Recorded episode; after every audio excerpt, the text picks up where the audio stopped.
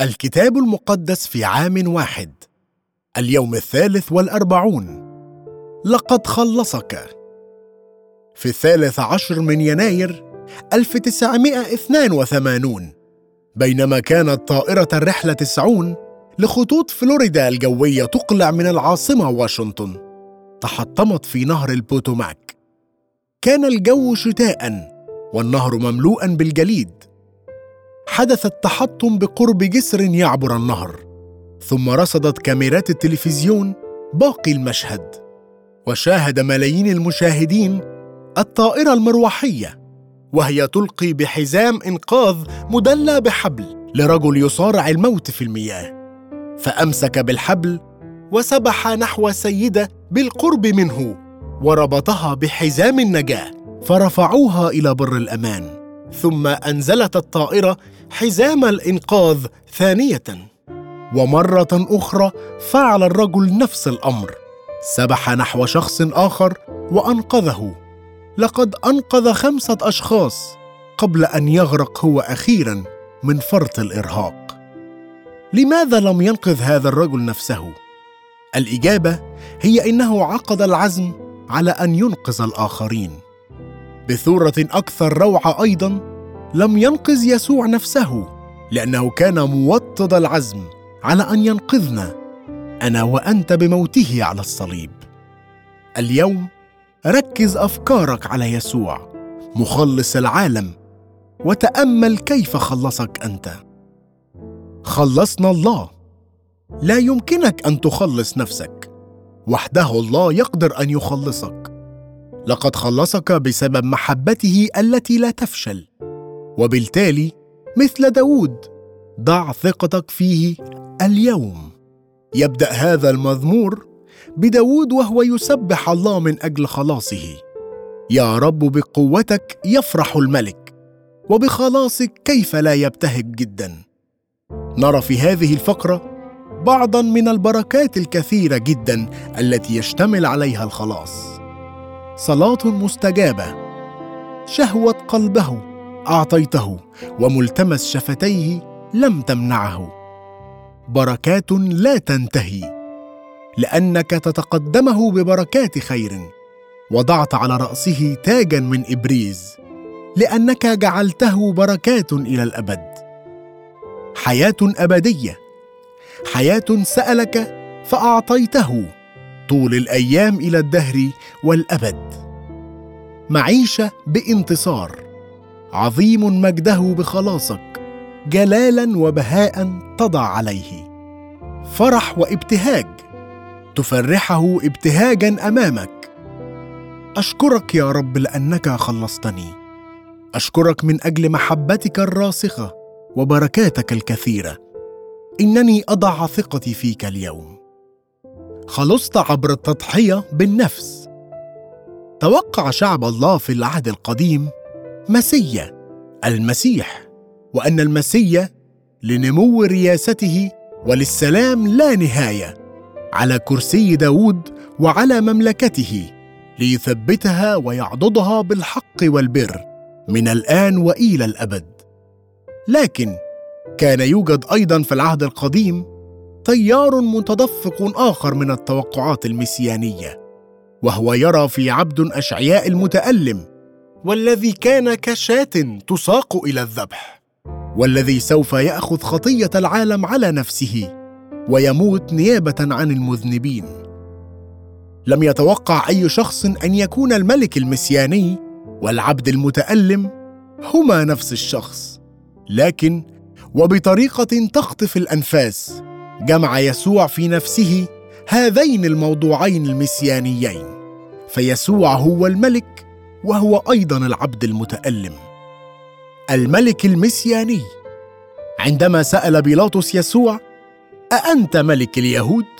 أجاب موافقا. أنت تقول. استهزأ الجنود بيسوع ملبسين إياه مثل ملك وتظاهروا بتحيته وسجدوا أمامه وقالوا السلام يا ملك اليهود. وجعلوا فوق رأسه علته مكتوبة. هذا هو يسوع ملك اليهود. كما استهزأ به القادة الدينيون قائلين إن كان هو ملك إسرائيل. يوضح البشير متى أن الجريمة الوحيدة التي أذنب بها يسوع هي كونه الملك المسيح المسيا وابن الله. العبد المتألم.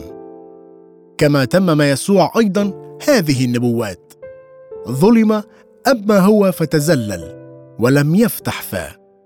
كشاة تساق إلى الذبح وكنعجة صامتة أمام جازيها فلم يفتح فاه. عندما اتهمه الرؤساء والشيوخ لم يجب بشيء وعندما سأله بيلاطس أما تسمع كم يشهدون عليك؟ فلم يجبه ولا عن كلمة واحدة حتى تعجب الوالي جدا. لقد مات يسوع. العبد المتألم البريء مكانك أنت لكي ما يمكنك أن تنطلق حرا. ومن هذه الناحية نجد باراباس يمثلنا. نحن المذنبين. لقد كان أسير مشهور مجرم. وكان السؤال هو باراباس أم يسوع؟ طلب الشعب تحرير باراباس وقتل يسوع.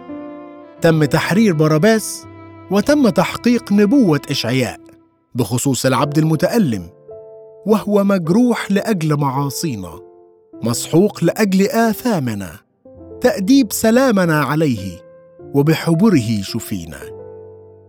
رغم أن يسوع كان الملك الذي طال انتظاره إلا إنه لم يكن ملك الملوك الذي توقعه الشعب مثل الذي يمضي من نصر عظيم لآخر. بل كان على يسوع أن يتعامل مع الحسد والاتهامات الزائفة والانتقاد اللاذع والظلم وسوء الفهم والسلطات الضعيفة والاستهزاء والسب من الشعب المتدين ومن العالم الدنيوي.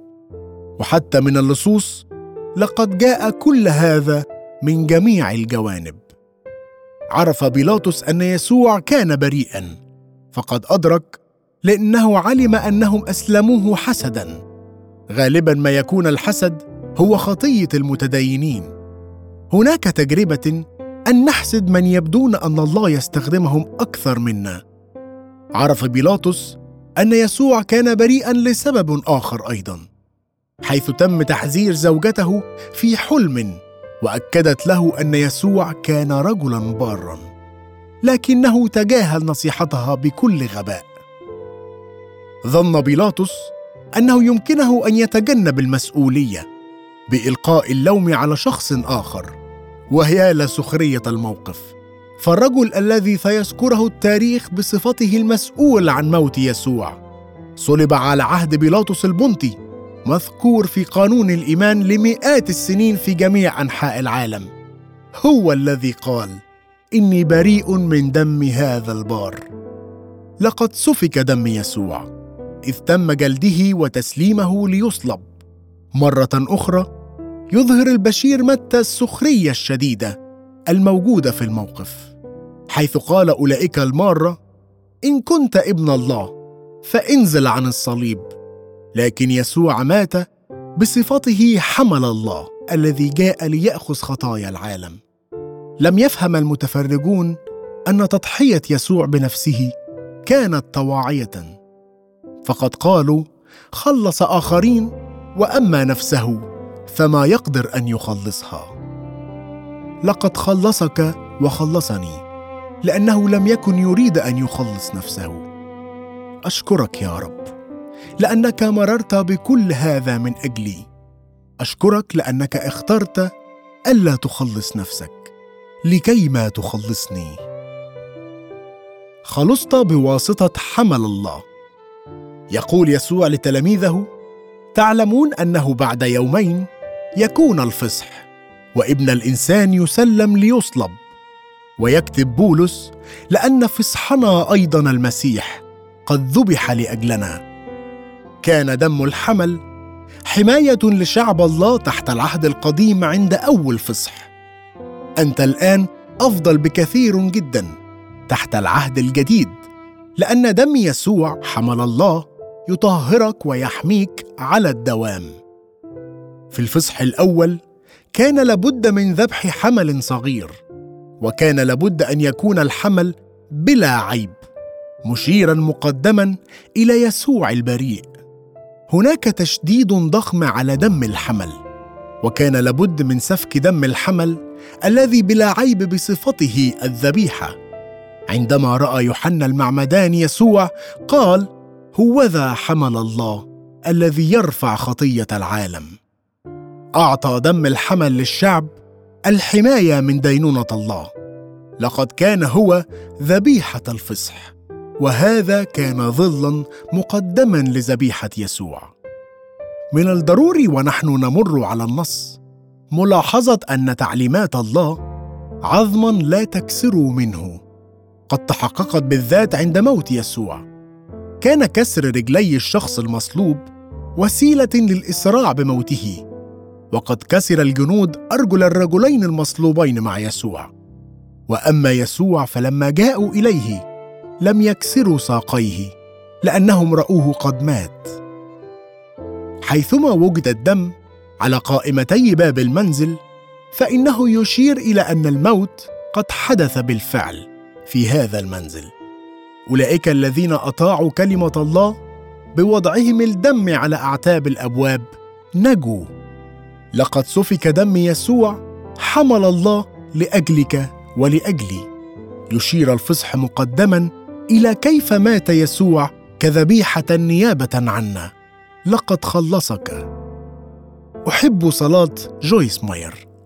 أيها الآب آتي إليك باسم يسوع وأنا أضع دم يسوع على حياتي وعلى كل ما يخصني وعلى كل ما أعطيته لي كوكيل عليه.